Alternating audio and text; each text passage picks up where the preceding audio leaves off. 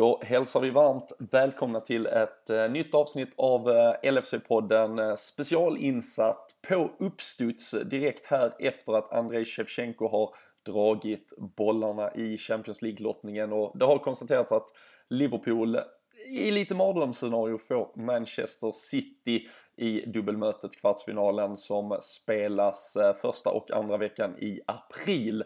Och eh, vi ska snacka allt kring detta och vad som nu väntar och eh, vi gör det som eh, vanligt tillsammans med LFC.nu och spelbloggare.se. Just eh, spelbloggare.se är ju fantastiskt att ha koll på när det nu vankas både Premier League, Champions League, lite FA-cup till helgen och annat spännande. Ni hittar alltid de bästa oddsen där. Och eh, jag ska sätta mig tillsammans med Jocke Lundberg och eh, dra ut, reda ut fakta och känslor inför och kring den här lottningen och det som då komma skall.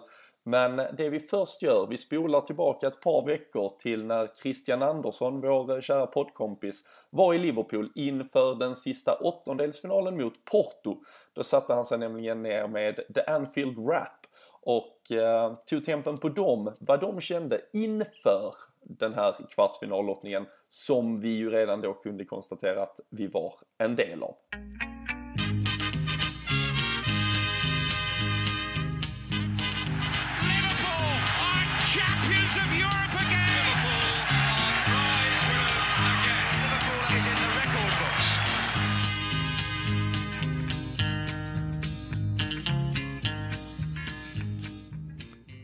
Det är Christian Andersson för LFC-podden. Jag är i Liverpool och gästade Anfield Rap och deras studio i Liverpool.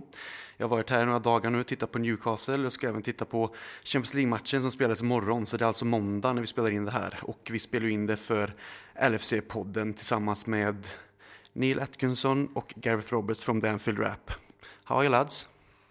Good mate, yeah, good. Good, good to have you here in Liverpool. Thanks yeah. for coming over. Thanks for having me. It's great to be here. How was your time in Oslo, because you left you left Stockholm and you flew to Oslo, and it looked a bit colder when I watched you on social medias and stuff.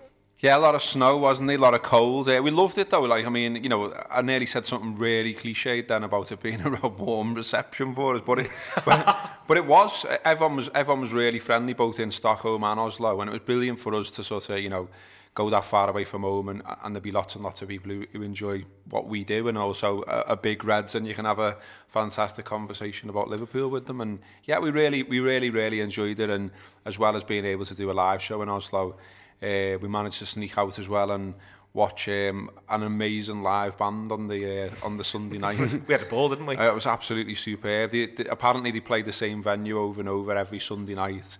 Uh, they do covers. But that they do covers of every single genre of music you can possibly name, and, and they're amazing at all of them. Um, yeah, so we really enjoyed ourselves there, and I, I think we'll definitely go back to both Stockholm and Oslo at some point. Mm, that's great. We're looking forward to have you. Stockholm was we didn't get quite as much time in Stockholm as we did in Oslo, so hopefully next time we can get a proper proper full night, mm. full full proper night, day and night out in in Stockholm as well. Because yeah. we love to go to cities. We said it last time we were on, but the other thing that you get is everyone's so well informed and everyone wants to talk to you about the Reds. We loved it. You should come when it's springtime or you know end of season time. Then it's probably hopefully better weather.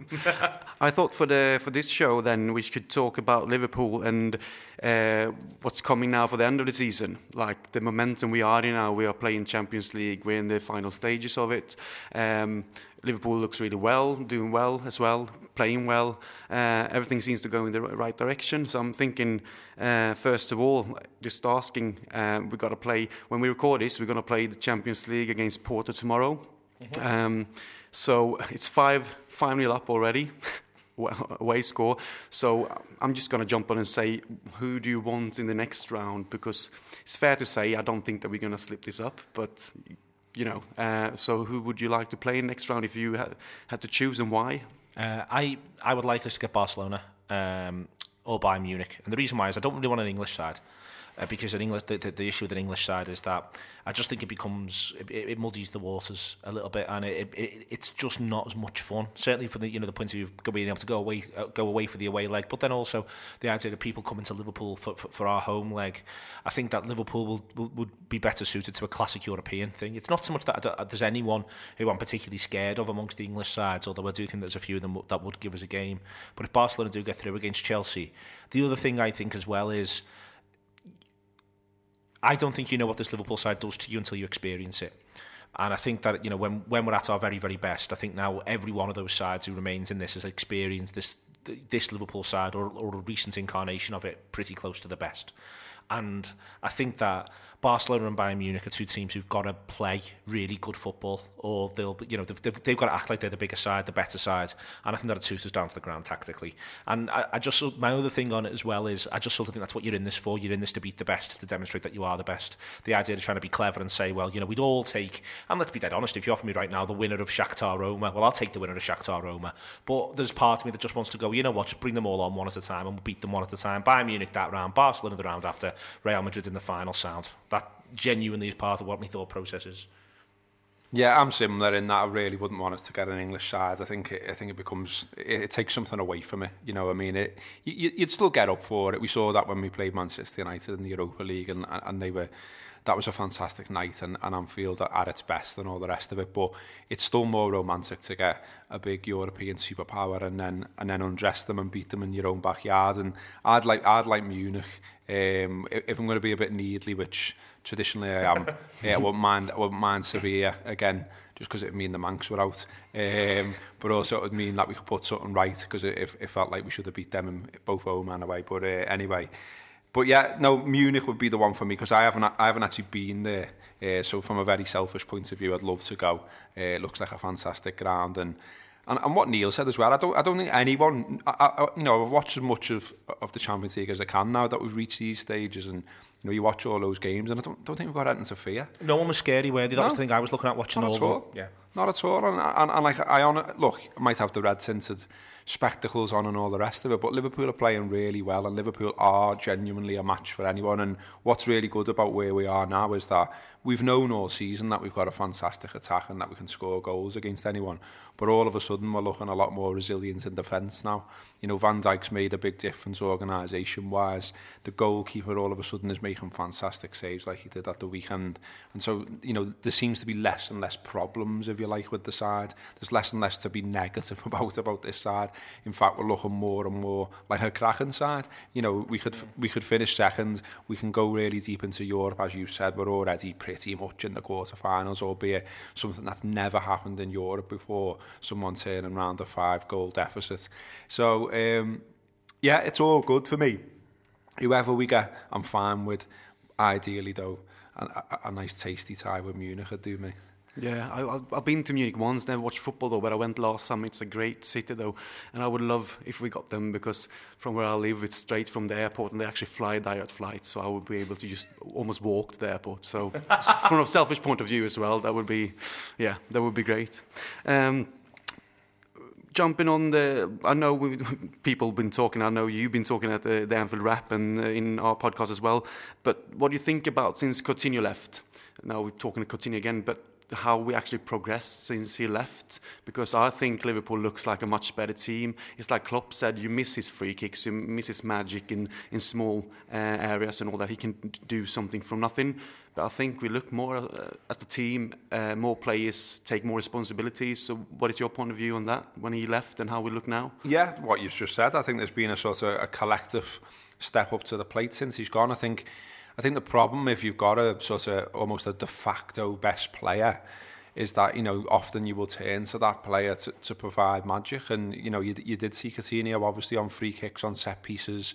You know, look to a lot to sort of break deadlocks, and look, he was more than capable of doing that, and he was a good player, and that's why he's ended up where he's ended up, and for the money that he went for. But I think there has been a stepping up since he's left. You know, someone like you know Alex Oxlade-Chamberlain is is nothing like Coutinho as a player, but he's flourished in his absence, and and even players like you know less heralded, like you know like Milner for instance, I think has been playing really well in recent times, and there, there has been a stepping up. There, there, there's a gritty determination in general. I feel right now about the team and about the squad. Uh, it feels like they're all backing each other. They all know that that they're good, that they can go places, that they can do stuff this season and next.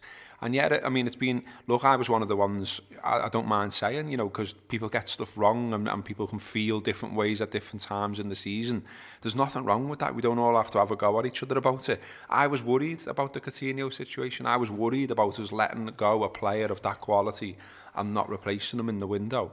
But right now, well, you know, I'm fingers crossed it remains this way. We look, we look all right without him. We're fine without him. You know, people have kicked on. People look okay. It's still, it, you know, it'd still be of benefit to Liverpool though if they had someone of that quality still around or a replacement still around. That would help. And I don't think some of those arguments and discussions we had back in January uh, uh, have, have gone away. In fact, I would say that as soon as the smallest thing goes wrong around Liverpool, even if they just draw a game, plenty of people will bring out, trot out the Coutinho line yeah. again, but I'm all right with, of, of where we are without him.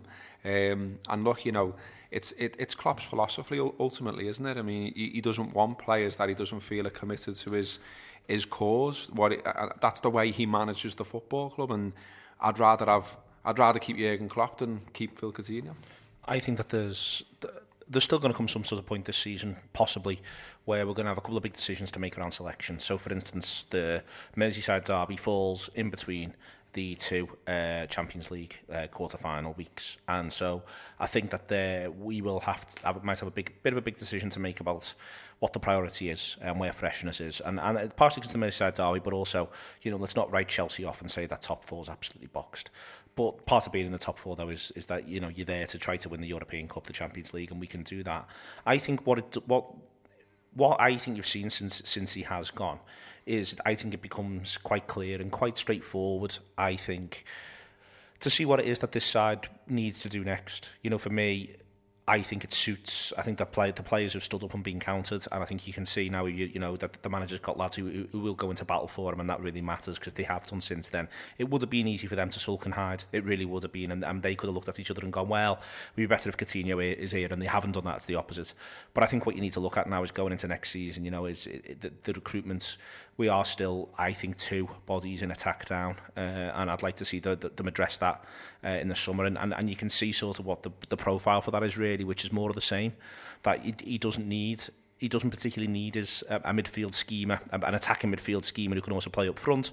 That you know, Firmino can do that for him whilst doing everything else. Mane can do that whilst doing everything else, and coming the other way, Oxley, Chamberlain, and Milner can bring that going that way um, a little bit. I think you know, he, for me, pace, directness. I think they're the power. Uh, I think that's what your Jurgen Klopp from three player looks like. You know, a genuine work rate and desire to make it happen, and and, and then quality, tons and tons of quality and poise. And I just think that now, if we can get through this, hopefully with a with a European Cup in the bag and a top four finish, coming second in the league, then we're in a great position to really strengthen this summer. But all of those things remain ifs. What I think shouldn't happen is what Gareth's just said. You know, let's imagine, for instance, we do get Bayern Munich in the quarterfinals, second legs at home, and we're just struggling to make it happen a little bit. It'll be the easiest thing in the world for people to say, oh, well, if we'd have had Coutinho, X, Y, or Z. And that if has got to be flipped on its head because we might be able to say, well, if we'd have had Coutinho, we wouldn't have been playing as well in the league. Our form would have suffered.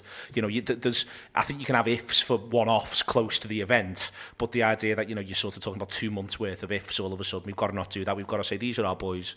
We back our boys and we live or die with them. We win or lose with them. And I don't, you know, it will be a shame if this season ends up being a conversation where there's a portion of the fan base doing ifs, ifs, ifs. I think at this stage now we've got to say we're past that. Um, Saturday we played Newcastle, and I think uh, I was here watching it, and I think we just did a job. I think Liverpool were good, but we could play better. But we did. The goals were amazing, though. Uh, there really was. But I think you, we have seen yeah. us play better. But the thing is that from now we have actually won quite a lot of games. I think we just. I think we scored 13 and uh, you won or something like that in those games since Spurs at home 2-2. We've been playing really, really well. So I'm thinking I'm jumping on the next question there. What's what's for Liverpool, you know, in going in the right direction now? We're in the Champions League. We we are chasing for the second place, and we try to chase obviously Man City as much as we can, even though they look like they are gonna gonna win it. Uh, but what is that for Liverpool in the future? Like you said, you mentioned the the Samuel um, mm, signing. Yeah. So, what is that Liverpool we see now? What would you, you know, if you predict the future, what kind of Liverpool is that we Klopp is building at the moment, and the way he actually running with the club? Yeah, I think we're just going to see lots and lots of direct football. And what I mean by direct football isn't people booting the ball long. What I mean is, I think Klopp is going to build a side with a lot of players who try, who are trying to, who are prepared to run quite direct with the football, carry it. You know, Keita is another another player who fits this mould to win battles, to be, to, to, to you know, to never ever be outfought on the pitch, and I think that's a massive part of all of this, uh, and to be able to be patient when it's time to be patient. You mentioned this performance at the weekend, and I think in those performances you've seen a lot of patience, but to be direct as well when the opportunity is there to go for the throat, to do it and to do it and do it and do it until you take the game away from the opponents. The Newcastle game is a great example of the goal we scored to go 2-0 is so good it removes all hope for Newcastle because they can't score that goal and they also begin to think to themselves well we don't really if we come out and play here these will just murder us so we'll just take 2-0 because they if they can do that to us now imagine what they can do to us later. So I think that's your massive thing is that's what you're looking at. I think that's what Klopp's Liverpool's going to look like. I think that's the direction he's going in which is tons of attacking uh, on the pitch patience when required and, and a real work ethic and I think that's that that will be make up the profile of players he's buying in the summer. I, I get the feeling that uh, other teams are actually quite scared of Liverpool. Like, you know, it, since we actually been playing so good. So would you say there, Rob, about you know, are we starting to actually scare the opposition teams? Yeah, I think so. I mean, I, I think I, I think I don't think that's a new thing for Liverpool. I think in general the they've always been, you know, one of the better sides in the league. You know, the, obviously the, the, the league, the actual finishes in the league. You know, there's been a few, few too many sixths and sevenths and stuff like that. But nevertheless, you know, Anfield's always been a place where, by and large, Liverpool get good results, and that you know that's becoming the case again now. And you're seeing more and more sides, you know, come to either try and nick a draw, or as Neil says, even accepting just a low score and defeat because you know especially for teams down the bottom you know goal difference can be fairly crucial when it comes down to the end of the season. So I, th- I think you're just going to see that more and more and you know what what Klopp's got to work out and I think he is doing is is not only the sort of all the, all the goals and the razzmatazz but just you know, just just being a bit more mature as a side, and I think you're starting to see that now. I mean, Milner's just done his press conference earlier, uh, for the Porto game, and that was what he was talking about again. And I think it, it's really good as a fan to see him talking about being more mature, being you know managing games more because. What what's what's different about Liverpool now, and what was different on Saturday actually, and Klopp referenced it was, I feel like right now most you know the the vast majority, like ninety five percent or whatever, Liverpool fans genuinely trust what's going on in front of them now. And so there isn't that there isn't that panicked feel in the ground anymore. And and you don't have to rewind back a long way to when that was there. So you know you you look at say you know, we drew with Burnley, didn't we, at home earlier in the season, and everyone was going mad. You know, there was ch- every time there was a chance missed, you know, the whole, the ground was up on its feet and people were, you know, thumping chairs and, you know, just go, eh, eh, there was a real frustration around what was going on around Liverpool, around, the, around essentially what was a string of draws. There isn't that now. I think everyone knows what this side can do, what the players can do. And, and they're watching it and they're going, it's all right, it'll come. And there's been a bit of a sea change in the mindset. And I think that's, that's a good thing. And what I would love to happen, and I think probably will happen, is that we, we take where we are right now into next season and we start next season like this. Mm, yeah. And and then if that happens, we can, we really will challenge for the title. I mean, you you look at you know, Andrew Beasley, I'm always referencing him lately, but rightly so, because he does some fantastic work, and he, he put something out which was really interesting, just about, you know, where teams or normally are at this stage of the season, if you like. And Liverpool right now are on 60 points, the, the first place average from 2008 to 2017 at this stage of the season after 29 points is uh, sorry 29 games is 66 points. So that so City have been phenomenal this season but ordinarily where we are right now isn't far off a title challenge inside and that's why we're actually as we speak second in the league. And I think you know Liverpool if they can become a little bit more ruthless a little bit more mature as James Milner said got a real chance And, then, you know, you, you mentioned players as well. We've got Keita to come in, which we're rightly all excited about. It looks like a fantastic player. There'll be others as well, you would imagine. We're gonna, we're only going to keep on improving. And so, you know, I, I just want... I don't know what it's like in Sweden, mate, but there's, in in Liverpool, there's still people who, who, who bring you down. Who, you know, I, I've got a mate who sort of at the weekend was talking about, well, you know, Mo Salah's playing so well, we're bound to sell him to Real Madrid. And I was like, mate, why don't you just enjoy where we are right now, which is a good yeah. place? Yeah. And, and let, let's, let's forget all this. We're going to sell to them and FSG this and Bill Shankly said this in 1960, whatever. None of that matters. Just in, enjoy the now. And in the now, Liverpool are a good football side. It's more than just that, though. Gareth's right to mention when he mentions the, the, the patterns from previous title winning seasons of other title winners because there's a thing here where I, I was having a little look. For me, what would be massive between now and the end of the season would be if we could finish unbeaten from this point. The reason why is that then you've only lost three games. You've played 38 games and you've only lost three. If you're the manager going into that next summer, you know, it's dead easy to be able to say to your, your side, that was, you know, to only lose three games out of 38 is massive. And it's also, that's title winning stuff. You know, you look at the title winners this decade, go all the way back to 2009 10, and they, they tend to lose somewhere between three and six games. So, what that then becomes is having a little bit of luck, you know, turning turning some of those draws into wins. The better players that Gareth mentions, you know, another couple of couple of, of good lads to come and help out and maybe be part of that process of turning a couple of draws into wins because I, you know, if we if we only lose three games a season for the next four seasons, we'll we'll win a title. We'll do it. Yeah. We'll just win a title at some point, and you know that's and that's not quite as sexy and exciting as the idea of playing brilliant attacking football, but that's as much part of it. You know, you look at the number. If we, you know, I'll I'll extend it even further. If we keep scoring this number of goals, and only lose three games a season for the next three, four seasons, we win a title. We'll probably win two, to be honest with you, in that time if we keep doing that. And because that's that's what the knock-on effect has. And you know, I I'm always I've always been a little bit since you know since going back to Houllier, quite sceptical of your your three-year plan or your five-year plan. And the reason why is football moves quite fast and it catches you out, and you think you've got it boxed, and then something sneaks up over here. But I'm, I'm struggle to really see what comes and bites us at the minute, unless, you know, including Keita, our next four or five signings are just absolutely dreadful, which doesn't look like happening from pre- previous behaviour. You know, I can't see, it's not like, for instance, Man City are going to be any better next season.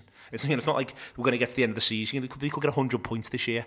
So, you know, if they get 100 points this year, 100 points next year, 100 points the year after, then at some sort of point you've got to shrug your shoulders and say, well, they're unbelievable and we've just got to do the best that we can. We only play them twice.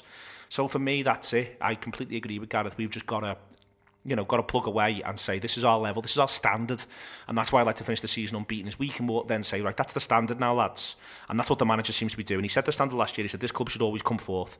So if we finish strongly this year and we come second and we only lose three games, he can say right, that's the standard, boys. That's what we want every year now. Let's just keep doing that, and you get the impression that's the sort of man he is and what he wants.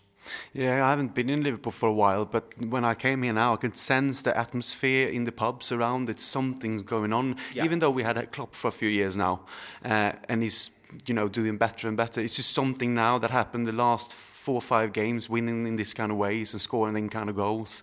Uh, that I think you know, you can just tell that there's so much like love for the club, for Jurgen Klopp and what he's like to do, uh, and you can see that the players buying into it, and it's just a big, big team now, just going forward.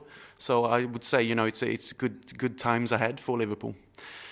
Uh, det är Christian Andersson från LFC-podden som har pratat med Neil Atkinson och uh, Gareth Roberts eh, från The Anfield Rap. Och uh, vi tackar er för att ha lyssnat och hoppas ni har det så bra så hörs vi snart igen. Så där lät det alltså för ett par veckor sedan när Christian Andersson träffade The Anfield Rap och uh, ni hörde ju vad de pratar om. Uh, helst inget engelskt lag. Vi vill ut i Europa, vi vill testa våra vingar, vi vill se oss möta de allra bästa kan man visserligen påstå att Manchester, Manchester City är. Och eh, nu är det ju de det blev, men något Europa-äventyr, eh, så sett blir det ju inte, utan då måste vi förbi det där hindret. Och eh, vi satte oss direkt eh, på eh, egentligen samma sekund som Andrei Shevchenko hade slängt upp bollarna ur eh, lilla tombolan så uh, utvärderade vi, började prata, tänka och tycka kring detta. Jag tog hjälp av vår, uh, ska vi kalla det, Europaexpert Jocke Lundberg.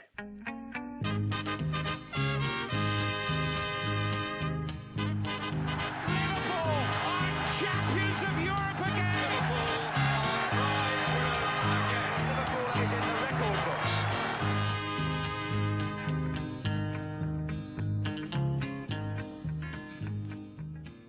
Jajamän, och eh, då eh, sitter eh, jag här nu med Jocke Lundberg, inkallad Europaexpert Jocke. Legat i vila och förberett dig för detta gästspel.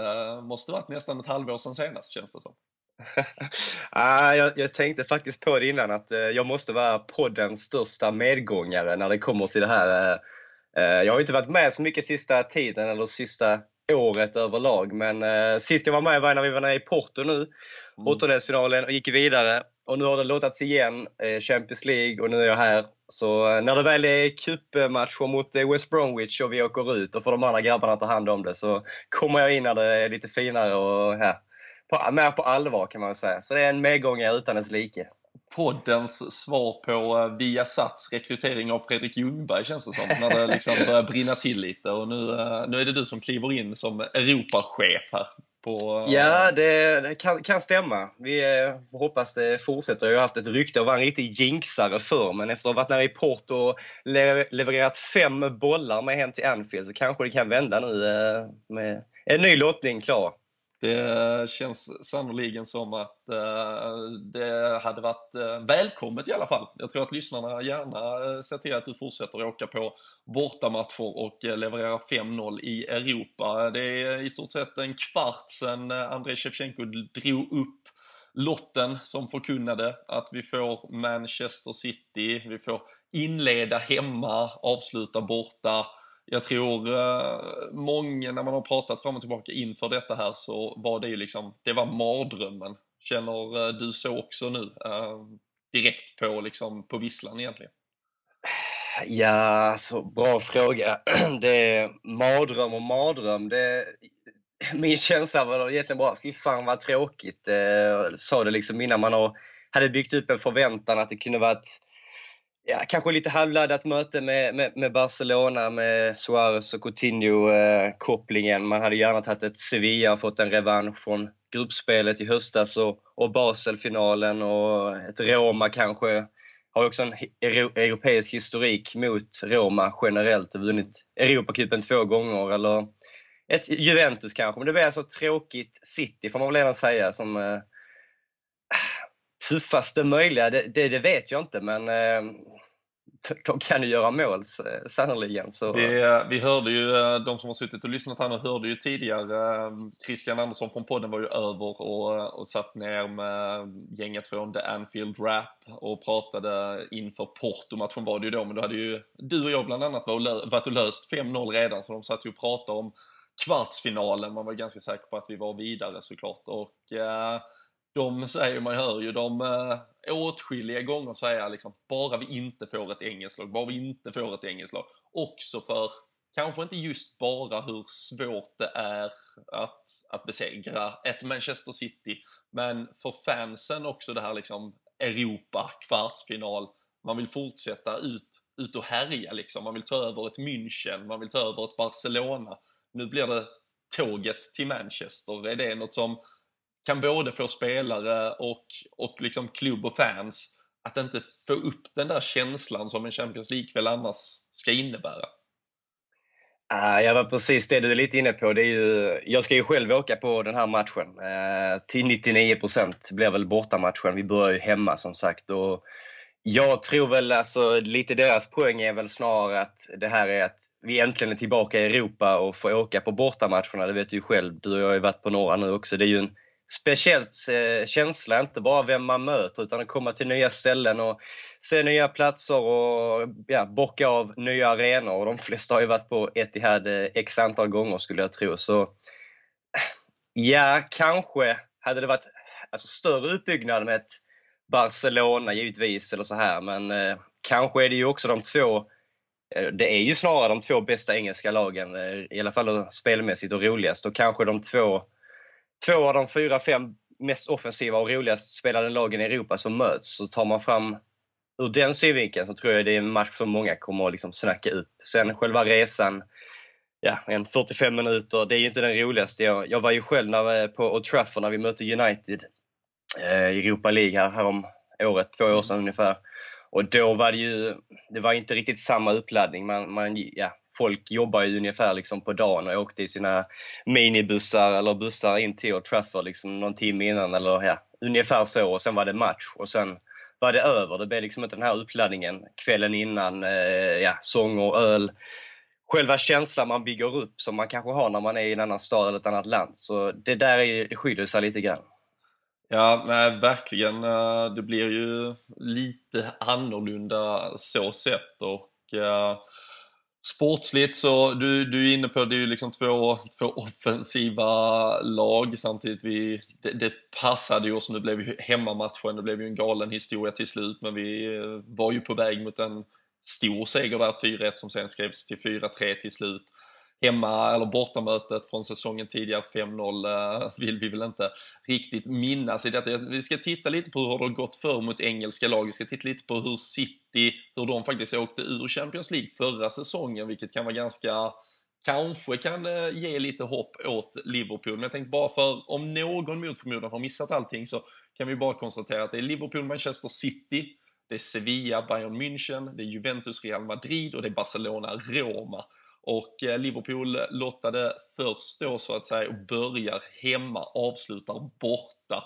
Eh, om vi bara stannar snabbt vid den delen. Eh, många målar upp det som att det är det värsta också av eventuellt då två tänkbara scenarion att dessutom behöva avsluta borta. Du var ju som sagt Paul Trafford när vi avslutade borta mot United i Europa League.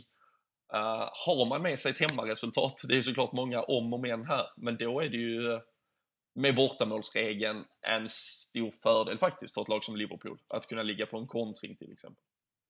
Ja men precis, det, det är väl framförallt jag kan ju känna att just det här Liverpool-laget har man ju varit lite orolig för när det gäller Europaspel, hur de ska fungera. Liksom. För det är ju det där bortamålet, eller bortamålen och hålla tätt, det är ju liksom viktigare än kanske någonsin när man väl spelar i Europa. Och uh, Kollar man då lite statistiskt så uh, ja, som du säger, vi förlorade med 5-0 i höstas. Kanske inte speglar matchbilden helt, men släppte in tre mål nu sist mot City. Eh, vi har ju mött dem tidigare i ungefär i ett snarlika sammanhang, men vi har ju en ligacup-semifinal 2012 där vi faktiskt börjar borta eh, på Etihad eh, som vi sedan vann även titeln. Och då, då vann vi ju med 1-0 på... Steven Gerrard på straff va?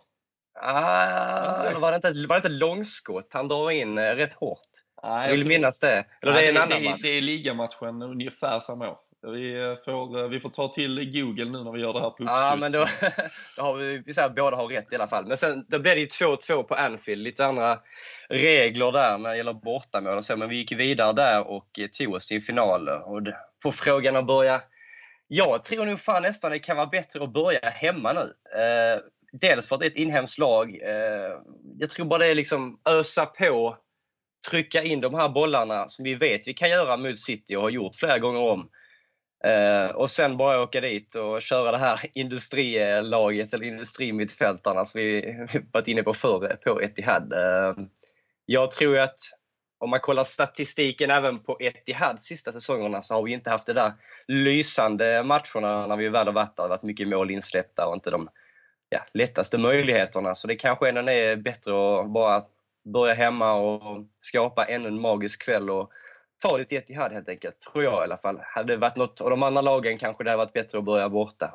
Men ehm, ja, jag vet inte vad du själv känner på den frågan. Eh. Nej, alltså det, det, det som jag känner lite med, med att vi börjar hemma nu, det är ju att eh, matchen Alltså, avslutar man hemma så oavsett i stort sett vad som händer i första matchen så lever det på något sätt. Vi hade ju kunnat åka till, till, ett, eller, ja, ett, hade förlorat med 2-0, till och med 3-0 och man hade ändå känt inför hemmamatchen att fan, någonting kan hända. Ja, Men precis. nu skulle det bli, ja, skulle det bli 3-1 till City på Anfield och sen ska vi åka dit. Ah, jag, jag kommer inte vara förhoppningsfull i alla fall. Men däremot så, så kan vi mycket väl ha en, om vi däremot har 2-0 med oss från hemmamötet, då kommer vi ju få exakt den matchen vi vill ha som passar vårt spelsystem fantastiskt när City kommer behöva trycka på. Ett bortamål då väger ju plötsligt jättetungt och då ska City göra fyra och så vidare. Återigen är det om och men man sitter med, men det är väl hoppet just nu och det där lilla halmstrået man försöker dra åt sig när lotten ändå föll i eh, värst eh, tänkbara scenario egentligen. Och man, eh, ja, ett Roma, ett Sevilla var väl sportsligt det mest fördelaktiga och annars var det kanske att ändå få den där häftiga Europa-upplevelsen som vi i så fall får vänta ett steg till på. Det är ju fördelen. Knackar vi ut dem nu så blir det ju något spännande i semifinal, om inte annat i alla fall. Och City kanske håller på att bli om vi nu vill vara en stormakt igen, om vi vill fortsätta vara med och spela de här matcherna så är det ju mycket möjligt att City, om vi tittar ett par säsonger fram också, blir det som Chelsea var till oss för en 12, 13, 14 år sedan. Man stötte ju på dem till slut, alltid i de här sammanhangen. Ja men precis, vi har varit inne på det lite innan. Det, det har ju varit både, som jag sa, semifinalen i liacupen 2012. Vi hade dem i liacupfinalen här 2016 var det väl, när du och jag stod och frös på Wembley och ville, ville vara därifrån. Precis som spelarna kändes det som. ja men faktiskt, och, och, nu händer det igen att vi har äh, även liksom det har ju varit framförallt City som varit det där riktiga hotet kanske när vi varit och vi har ju inte varit jättenära, men vi har ändå varit uppe och nosat på någon ja, andra, tredje plats i ligan. Det har alltid varit City som varit det där absolut bästa laget. Och, det var ju City som, som snuvade oss på exakt, guldet 2014 som vi skulle ha. Exakt, eh, så där har väl ändå byggts upp någon typ av, eh, inte rivalitet har väl alltid funnits, men lite mer Chelsea-rivaliteten generellt, den byggdes ju upp mer och mer just eftersom vi mötte dem mer och mer och det var ett bra lag och ja, det gick, det gick som det gick. Liksom. Och det kan ju vara ännu en gång eh, att vi får ett snarlikt scenario här. Det är ungefär samma typ av klubbar liksom, som jag sa innan. Man satt här innan lottningen och gick igenom lite potentiella motståndare och historik mellan lagen och häftiga matcher och Europa och allt vad det är. Och där finns ju inte så mycket att hämta på City. Vi har en cupvinnare cuptitel. Det är liksom det de har i Europasammanhang. Och eh, ja, det, det, det är inte så mycket historik City har ute i Europa. Så eh, det påminner lite om Chelsea faktiskt, som du säger. Exakt det där i, början av eh, 2000-talet. Ja, och äh, vi, får, äh, vi får se om de äh, fortsätter. Det var ju trots allt ett givande och tagande vi hade med Chelsea. Äh, några gånger drog vi längsta stråna och när vi gjorde det så kunde det ofta till och med bli riktigt fantastiskt framåt slutet. Så vi vi får väl se. Jag ska bara, för, eh, för att återkoppla till tidigare, det var straffen av Gerard i den där semifinalen. Nu, ah, okay. nu, nu, har, nu har jag fått det bekräftat här. 13 minuten straffmål. Det, var det irländska internetet levererar. Ja, precis. Ja, det, det har vi inte fått, förtäljt här än så länge. Jag sitter i Dublin och uh, har 24 eh, timmar uh, kvar till St. Patrick's Day smäller av här i, i full flärd. Så uh, det kan ju vara det sista man gör det här, Eh, helt enkelt. Men, eh, men då avslutar man ju på topp, eh, känns det som absolut i alla fall.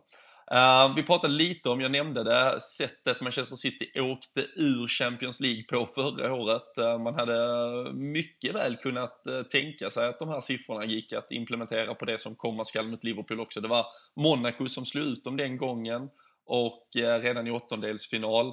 Och 3-1 blev det till Monaco i hemmamötet. Vet du, minns du vad det blev i bortamötet sen? Jag säger 5-3 för att ha en jävla koll här. Eh, vi har ju tjuvtittat lite givetvis, men alltså 6-6 totalt. Men då är det ju bortamål som ännu en gång väger eh, oerhört mycket. Eh, ja, det är, helt, alltså, det är väl lite sådär det skulle kunna bli kanske. Det är väl egentligen ja. när vi själva åkte ut mot Chelsea, den där när vi, när Fabio Aure, när vi hade förlorat med 3-1 hemma och sen går upp till fyra Ja, men det, det, det, är kul, det är kul du är inne på det faktiskt. För det, det finns ju lite statistik eh, på det också. Att eh, om vi kollar kvartsfinalsmässigt så sex gånger har Liverpool börjat på Anfield varav det har lett till avancemang tre gånger. Så det är alltså 50 procent eh, där. Sista gången var ju som du säger 08-09. Vi mötte Chelsea, förlorade med 3-1 på Anfield och det blev 4-4 i London. Så Ja, det är, ja, det är, det är upplagt på rock'n'roll känns det som.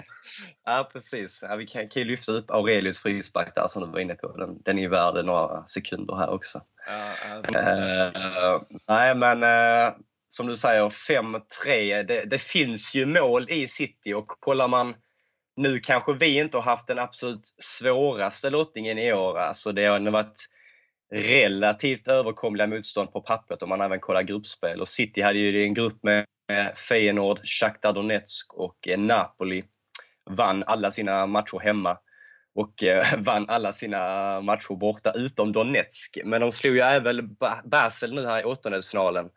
Och de, de gjorde alltså fyra mål borta mot Feyenoord, fyra mål borta mot Napoli och fyra mål borta mot Basel. Förlorade mot Donetsk med 2-1 men den behövde de ju inte vinna. Så de har alltså gjort fyra mål på bortaplan i tre av de fyra senaste matcherna i Champions League. Inte de lättaste motstånden som sagt, men ändå. vi, å, återigen har vi den här tyngden av, tyngden av försvaret och bortamål och ja, hela den biten. Vi kontrar ju visserligen med 7-0 då från vårt bortamöte med Maribor.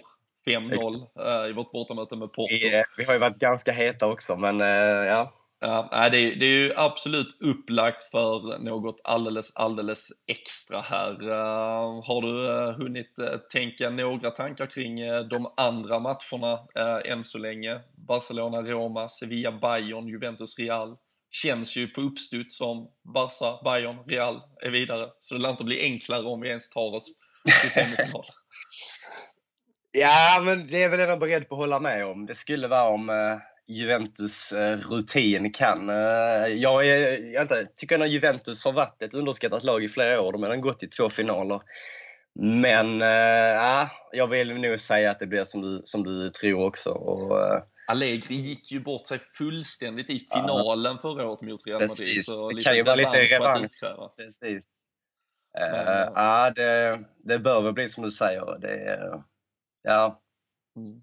Eh, Bayern Real får avsluta, eller eh, avsluta hemma den här helt fördelaktiga eh, lottningen om man då ska tycka det är lite objektivt. Barcelona får avsluta på Olympico men de kan nog ha skaffat sig ett tillräckligt bra utgångsläge från Nou Camp. Där känns det som ehm, hur tror du också Manchester City, de har ju joggat hem ligan. Den är ju matematiskt inte klar än så länge. Däremot de har ju säkrat sin Champions League-plats i alla fall. De har säkrat att de blir topp 4 i Premier League, men, eh, men ligan är ja, säga. Mm. i hamn också. Uh, vi har däremot ett derby mot Everton inklämt mellan det här dubbelmötet på Goodison. Det, det måste ju såklart Klopp har ju pratat om att han inte känner att han behöver rotera längre, men eh, där kommer han väl nog nästan. Nu går vi ju såklart lite händelser i förväg, men eh, det är ju det är inte jättepositivt att vi dessutom måste spela en väldigt viktig ligamatch mitt i det här dubbelmötet. Nej, men precis. Det, det lär ju bli så. Eh, jag vet inte vem City har den helgen, du, om du har det på rak arm. Men, Löser det så länge. ja, men någonstans, det, jag vet inte om det... Fast du, de var ju där, de måste ju ha sitt där. Ni märker är hur snabbt... Det, på... Är inte det den 30 eller 31 här någon gång? Jag, Nej, tror, jag, det, tror, jag, tror, de har... jag tror det är i mars. Jag Nej, säger att det är mars.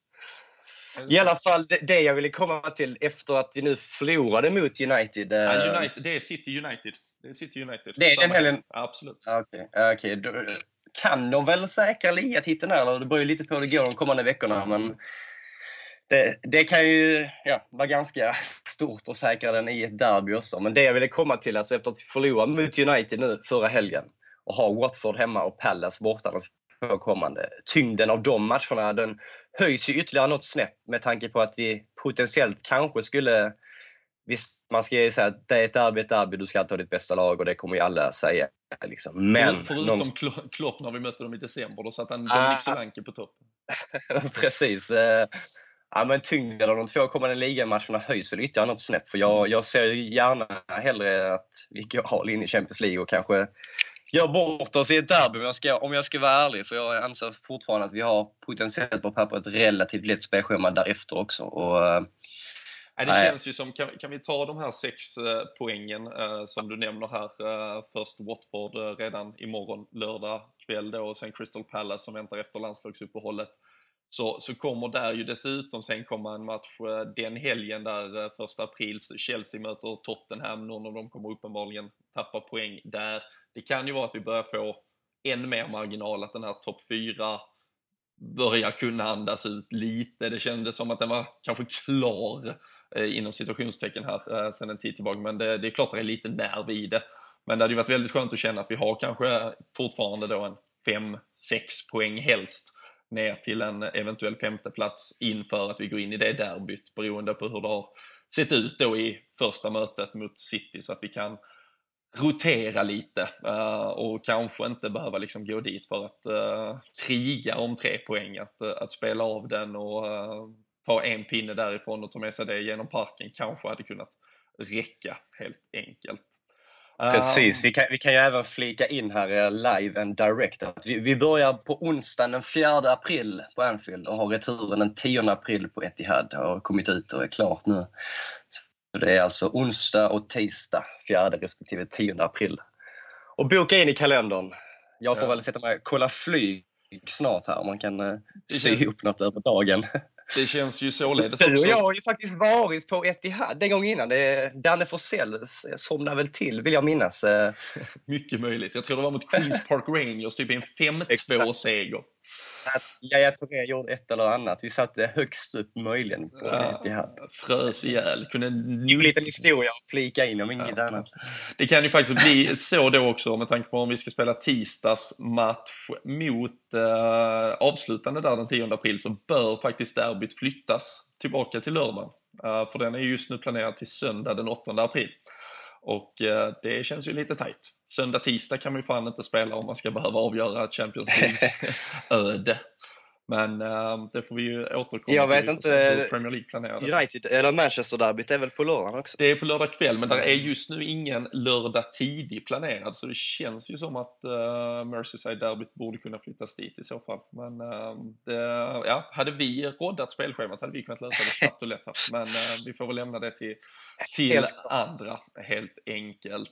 Men lite på uppstuds var ju allt detta såklart, men det väcker känslor. Vi satt och snackade innan lottningen löpningen, eh, det, det var som att gå in i en straffläggning i stort sett. Liksom. Man, eh, man hade puls och det visar väl hur viktigt eh, det här med Champions League är. För att man, ja men bara för ens intresse liksom, alltså för att känna att det händer saker. Det är puls runt klubben, framtiden, allting. Ja men precis, det var jag som sa att jag blev nervös. Jag vet inte om jag egentligen var nervös eller om det mer var liksom att man var exalterad. Som sagt, i nio år sedan vi var i en kvartsfinal.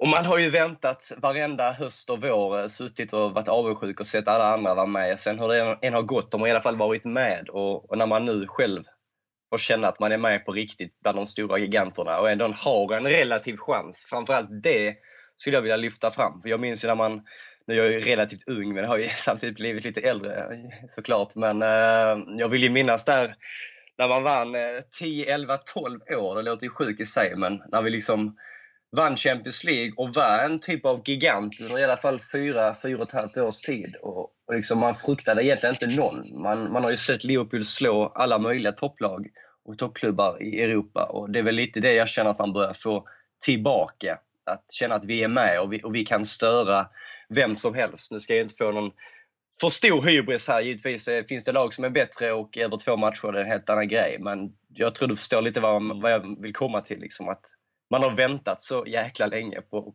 på riktigt. Alltså. Jag vet att eh, frågar jag dig nu om vi går vidare så kommer du lyckas trolla fram att vi gör det. Det är ju såklart den känslan man har så här tätt in på lottningen och eh, det är ju knappt värt att sitta och boka resan till borta mötet om man inte har en förhoppning och tanke och tro på att detta ska gå. Så jag stannar vid, hur tror du att hemmamatchen slutar? Vad får vi för resultat? Mm. Ja, jag, jag, jag tror faktiskt vi går all out och vinner hemmamatchen. Eh, skulle väl säga en eh, 2-1 bara för att de ska få ett uh, bortamål och göra det extra Mm. spännande och nervöst till jag ska åka dit så, så ni kan ha något att snacka om det också. Ja, men jag tycker, jag tycker 2-1 låter taget. Det var faktiskt det som Ja. ja. studsade upp eh, hos mig också. Eh, så här, hjärnan försökte putta på med 2-2 till och med, men eh, 2-1 tycker jag låter som en... Eh, det kommer sannoliken innebära en intressant holmgång på Etihad en dryg vecka senare sen i så fall. Eh, vi, eh, vi kommer såklart återkomma inför detta. Vi kommer ju prata mer i detalj eh, hur de här matchernas ska tas.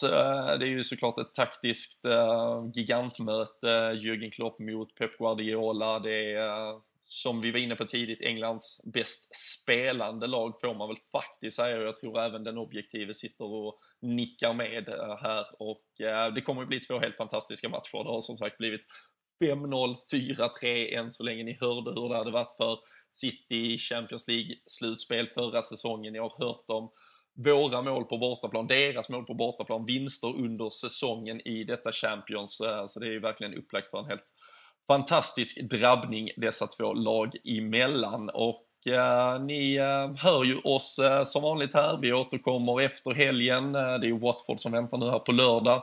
Och eh, sedan ett par dagar tillbaka så finns det också ett eh, väldigt intressant avsnitt ute. Jag hade förmånen att sitta ner med Kristoffer Petersson, den eh, före detta Liverpool-spelaren. Han spenderar ju ett par år som ungdomsproffs och var sedan på vippen att faktiskt ta en uh, truppplats uh, i det Liverpool som just utmanade Manchester City, eller var på väg mot ett ligaguld där under våren 2014. Uh, eh, hör honom berätta om hur nära det faktiskt var och sen så fick han ju sina debuter i träningsmatchsammanhang sommaren därefter och eh, en fantastiskt eh, rolig historia, en eh, superhärlig kille Kristoffer och eh, ödmjuk och öppenhjärtig i den här intervjun och den finns på podme.com så det är ju där ni ska eh, knacka er in och eh, registrera er. Ni kan ju prova helt gratis i en månad, då kan ni ta del av alla avsnitt som finns där. Till exempel när jag och Jocke var i Porto finns där ett stort reportage ifrån och